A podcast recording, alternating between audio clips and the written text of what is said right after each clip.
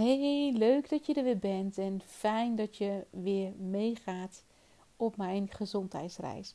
Fijn dat ik dat kan delen met jou. En fijn dat je een stukje met me mee wilt lopen. Ik zal je eerst eventjes ehm, zeggen hoe het nu met me gaat. Het is nu maandag 3 januari, 6 uur s avonds en ik lig op bed. Afgelopen weekend ben ik dus uh, gestopt. Heb ik moeten stoppen met mijn Tirax. Zoals je in de vorige podcast hoorde. En toen is dan eigenlijk best wel snel naar beneden gegaan. Dit is nog lang niet het dieptepunt. Maar ik voel echt, echt dat het begonnen is. Mijn hoofd doet het niet meer. Uh, ja, soms typ ik dingetjes fout. Of uh, kan ik dingen niet begrijpen. Eigenlijk heel je, je lichaam, maar ook zeker je hoofd, zit in een soort vertragingsproces. Je, je organen eh, gaan, uh, gaan vertragen. Maar ook je hoofd en ja, je gehoor, uh, eigenlijk alles. Dus zolang ik nog kan, uh, kan praten, praat ik heel graag met jou op zich is het niet voor mij. Um, hoe moet ik dat zeggen? Dit hoort daar dus ook bij. Dat ik gewoon niet op woorden kan komen. Voor mij is dit niet. Het is de derde keer dat ik zo diep moet gaan, zo diep moet zakken. Dus ik weet wat er komt. Alleen toch heeft het me altijd weer. Verrast het me toch weer. Net als nu ook weer. En um, ik besloot om toch maar weer het boek Je kunt je leven helen van Louise Hay maar eens weer bij te pakken. Misschien je het boek. Het gaat over, uh, ja, over klachten en hoe je dat, je dat op een spirituele wijze uh, kunt begrijpen, maar ook kunt veranderen. Nou ja, er staan heel veel voorbeelden in dat boek. Uh, in eerste instantie, 20 jaar geleden, kwam dit boek op mijn pad. En toen kon ik het nog helemaal niet dragen. Toen had ik zoiets van: ja, het is allemaal leuk en aardig, allemaal prima. Maar ik heb gewoon pech. Maar op een gegeven moment kreeg ik veel meer, steeds meer pech, zeg maar. En wel heel veel pech. En toen dacht ik: ja, er moet toch een spirituele betekenis achter zitten, een spirituele boodschap. En toen ben ik het boek weer eens gaan pakken en weer eens gaan lezen. En terwijl ik die artrose had, die artritis had, van die gevolg van die hoge Tirax te slikken, kreeg ik dus ook eigenlijk gaat je lichaam een beetje in verouderingsstand van binnen. Dus artrose en uh, gewrichtsontsteking, artritis. En ik had zoveel pijn dat ik besloot om met dat boek aan de gang te gaan met wat zij schrijft in dat boek. En denk, ja, ik heb toch niks meer te verliezen, want ik heb al zoveel pijn. Dus waarom zal ik het niet proberen? Ik ben er zeker van, ik ben er echt zeker van, dat mij dat ontzettend geholpen heeft. Nu inmiddels heb ik stuk minder pijn. Ik kan nog niet zo lopen zoals ik wil, maar ik kan weer lopen. Ik heb een tijdje niet meer kunnen lopen. Dus voor mij heeft het toch wel heel veel uh, betekend. Dat boek. En vooral de bereidheid om te willen veranderen. Want heel vaak is het zo dat we vastzitten in ons hoofd. Ook vastzitten in een bepaalde denkwijze. En dat je dus ook ja, daar niet zo makkelijk uitkomt. Je bent het gewend om zo te denken, je bent het gewend om zo te doen. Maar voor de verandering moet je juist totaal iets anders gaan doen. Iets anders er tegenover zetten. En ik ga je dus meenemen eventjes naar de klachten. Want ik ben er inmiddels zeker van dat daar spirituele boodschappen achter zitten. Uh, de klachten van mij. Dus laten we eventjes kijken naar de schildklier. In het boek kan je dat allemaal heel netjes opzoeken. Hier zo, ja. En dan staat er schildklier, doe ik dan opzoeken. En dan staat er dus eigenlijk um, waarin jij vast zat. En er staat daarnaast in de kolom de oplossing. En bij mij staat er dus vernedering. Vernedering, ik ben heel, uh, vooral door de vader van Mike, maar daarvoor eigenlijk heel vaak vernederd, vooral door mannen. Dus vernedering, en zeker ook wel door mijn moeder trouwens. Dus vernedering kwam bij mij heel vaak voor. En um, wanneer ben ik nu eens aan de beurt? Ik gaf mezelf steeds, ja, ik gaf mezelf heel veel weg. Geven, me weggeven is sowieso een ding van mij. Hulp vragen, me weggeven. Ja, dat is gewoon, me weggeven doe ik heel makkelijk. En ik vraag heel moeilijk hulp. Dus dat is gewoon een cirkel waar ik zelf eigenlijk in zit. dus wanneer ben ik eens aan de beurt? Dat betekent wanneer zet jij jezelf nou eens op nummer 1. Dus ik ben eigenlijk van overtuigd. Iedereen die een schildklierprobleem heeft, hoeft niet eens kanker te zijn. Maar je kunt ook een trage of een snelle schild, schildklier hebben. En uh, die zich hierin herkennen. Ik ben er inmiddels achter dat ik helemaal geloof in dit boek. Dat het zo is. Dus laat me ook weten in een privéberichtje op Insta of op Facebook of jij dat dan herkent als je schildklierproblemen hebt. En de oplossing is dus: ik ga voorbij aan oude beperkingen en ik sta mezelf nu toe om me creatief en vrij te uiten. Nou, daar ben ik al wel ingestapt. Alleen ja, ik moet mezelf en ik kan mezelf nog veel meer op nummer 1 zetten.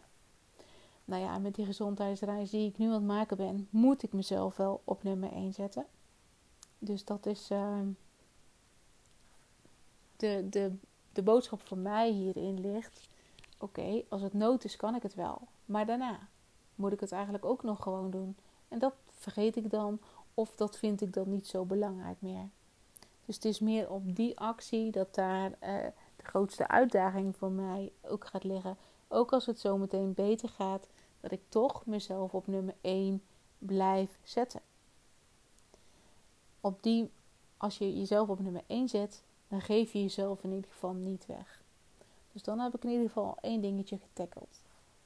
Laten we eens naar artrose kijken. Nou, heb ik niet zo kunnen vinden, maar wel artritis. Dus die uh, gewrichtsontsteking. En daar staat erbij ons niet geliefd voelen. Kritiek. En ik had heel veel last van zelfkritiek. Niks aan mij was mooi, niks aan mij was goed. Nou, als ik even terugdenk, dan denk ik: poeh, ik ken mezelf niet anders dan dat. Nu inmiddels weet ik wel beter en weet ik ook wel mezelf een beetje op waarde te schatten. En ben ik niet zo oordelend meer naar mezelf, wat liever naar mezelf. Maar daar heb ik echt de hele tijd, ja, jaar in, jaar in, jaar uit, jaren in gezeten. Dus uiteindelijk komt dat er toch zo uit. Dat is dus het probleem, zeg maar, of de klacht. En dat is de betekenis van de klacht. En de oplossing is luid ik ben liefde. Ik besluit nu van mezelf te houden en mezelf te waarderen. Ik bezie anderen liefdevol. Dus toen dacht ik: oké, ik ben liefde. Ik ben licht. Maar als je zoveel pijn hebt, dan voel je niet echt: ik ben liefde. Dan voel je, dan weet je, je weet wel dat je jezelf op nummer 1 moet zetten, maar dan weet je eigenlijk niet goed waar te beginnen. En waar ik dus begon, en wat mij dus nu ook weer helpt, is dat ik zei tegen mezelf: Ik ben bereid. Ik ben bereid om alles te doen om een verandering in te zetten.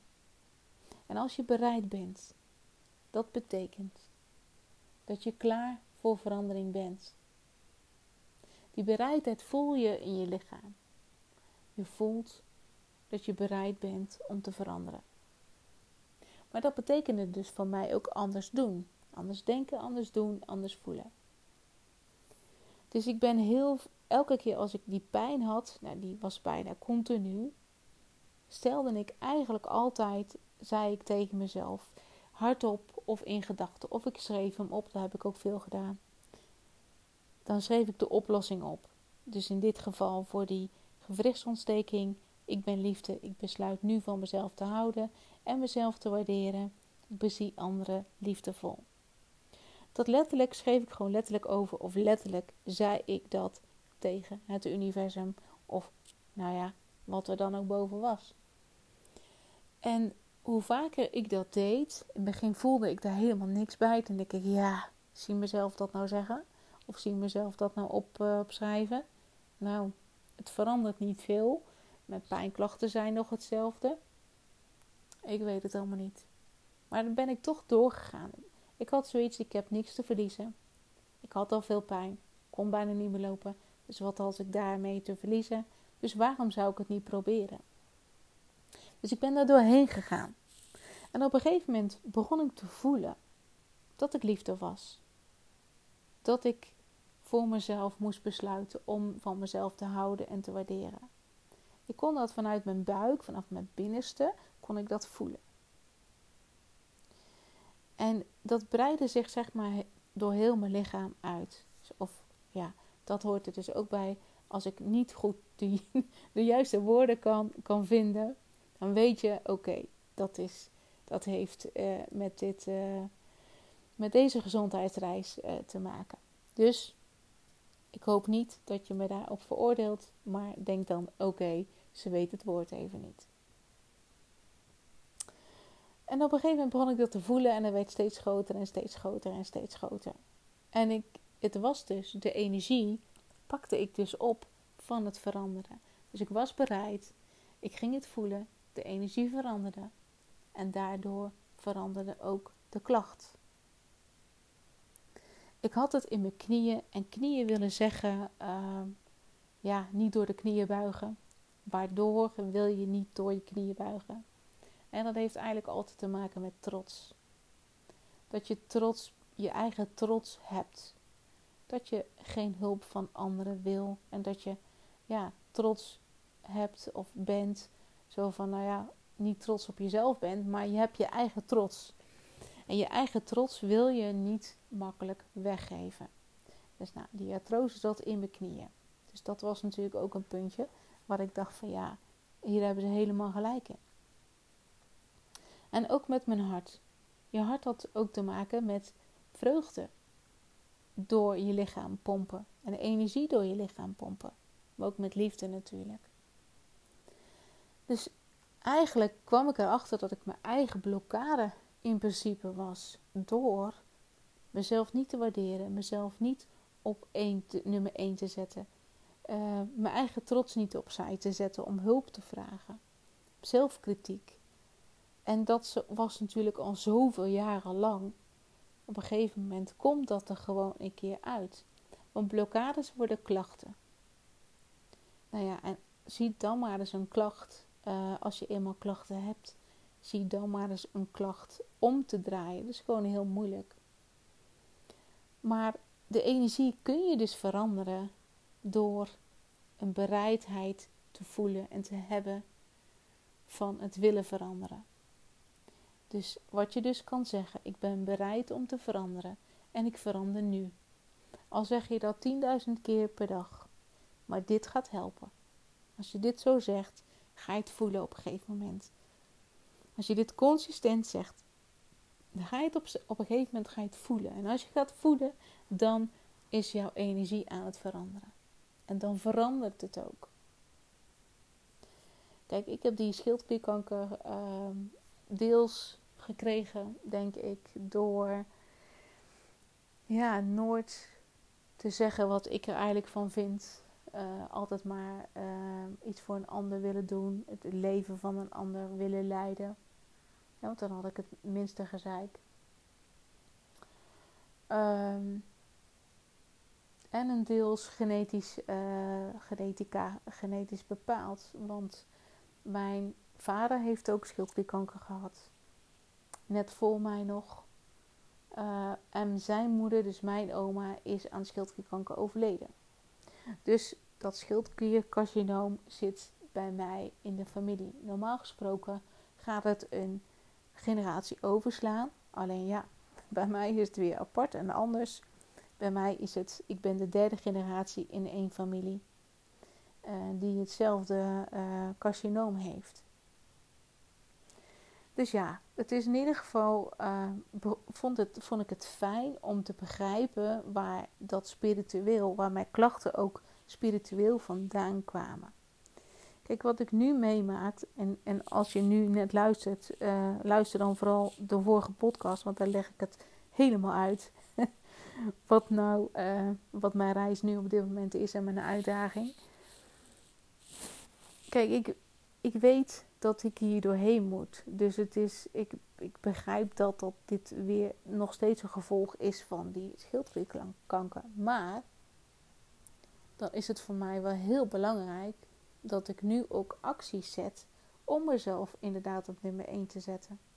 En om hulp te kunnen en durven vragen. Ik denk dat ik daar klaar voor ben. Maar we zullen zien. we zullen zien. Ik heb vandaag uh, nog wel gewerkt vanmorgen. En die mevrouw had nog geen podcast gehoord. En die, uh, ja, die had mij nog niet, uh, zeg maar. Die wist dat allemaal nog niet. En ik heb een pizza healing online meegedaan. En dat is echt een, met een powervrouw. En zo blij dat ik dankbaar dat ik dat voor haar mocht doen. We hebben echt heel veel uit de weg kunnen ruimen. Maar zij zei, ja, dat wilde ik eigenlijk in het begin al zeggen. Je lacht wel, maar je lacht met een boer met kiespijn. En dat, dat betekent in mijn geval dat ik misschien wel lach, maar ik voel het ook helemaal niet. Ik voel dat ik al minder straal. Ik voel dat dat, ja, ik word steeds leger. De batterij gaat leeg. Nou, dan moet ik dus nog een hele week sowieso, tot volgende week maandag. En dan mag ik pas mijn nieuwe medicijnen. Dan is de vraag of dat aan gaat slaan. En anders zak ik dus nog dieper. Um, ja, we zullen zien. En, en, ik kijk elke dag maar of ik wel kan werken of niet. Maar qua energie dacht ik wel dat het kon. En, en het kon ook vandaag. Morgen kan het anders zijn. Maar blijkbaar ziet een ander dan toch, zeg maar, het leven een beetje uit je gaan. Want zo voelt dat ook. Het leven gaat er een beetje uit. Dus, uh, nou ja, zo staat het in ieder geval uh, vandaag voor. En dat wilde ik eventjes met je delen. Misschien ken je het boek uh, van Louise Hay, Je kunt je leven helen. misschien ken je het. En als je het niet kent en je bent toch ook wel heel ja, benieuwd hoe jouw spirituele, hoe jouw klacht, hoe jij dat spiritueel kan bekijken. Stuur me dan gewoon op Insta een DM'tje of op Facebook um, een privéberichtje. En dan ga ik voor jou in het boek kijken wat jouw klacht uh, betekent. En dat wil ik heel graag uh, voor je doen.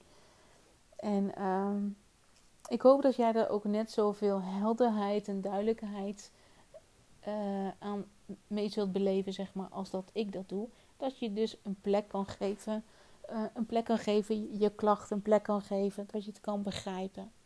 En als je het begrijpt, dan, ja, dan ben je al zoveel verder. En misschien ben jij ook wel bereid om door uh, ja, om te veranderen en om door jouw blokkades en door jouw belemmerende gedachten heen te gaan. Ik hoop het, want dat is het mooiste cadeau wat je aan jezelf kan en mag geven. En dit is ook meteen de boodschap van vandaag. Ben je bereid, vraag aan jezelf, ben je bereid om jouw uh, gedachten, je vastzittende gedachten, je belemmerende overtuigingen, je issues, je struggles die al heel lang als een rode draad door je leven lopen, ben je bereid om die te gaan veranderen? En wees eerlijk naar jezelf. Het is gewoon simpel, ja of nee. Als het nee is, dan ben je daar nog niet aan toe. Is het ja, ben je er wel aan toe. En zal het ook lukken. Daar geloof ik in. En daar sta ik voor. Nou, lieverd, ik ga uh, als het goed is even een apje eten. En nou ja, en mijn avond ziet er gewoon uit als, uh, als heel saai nu, op dit moment. Het is een filmpje kijken of een serietje kijken, maar waarschijnlijk ehm, ga ik er niet zoveel van opsteken of van begrijpen. Want het gaat nu al veel te snel, merk ik. Dus nou ja, dan doe ik maar lekker mijn ogen dicht en uh, verzand ik in mijn eigen wereld. Wat ik je ook nog eventjes, nou heb ik het over een film. En dan moet ik gelijk eigenlijk denken aan als er hier thuis een geweldsfilm opgezet wordt. Ja, daar kan ik gewoon niet, niet tegen. Daar kan ik gewoon niet meer tegen. Daar kan ik gewoon niet meer zien zonder erover te dromen.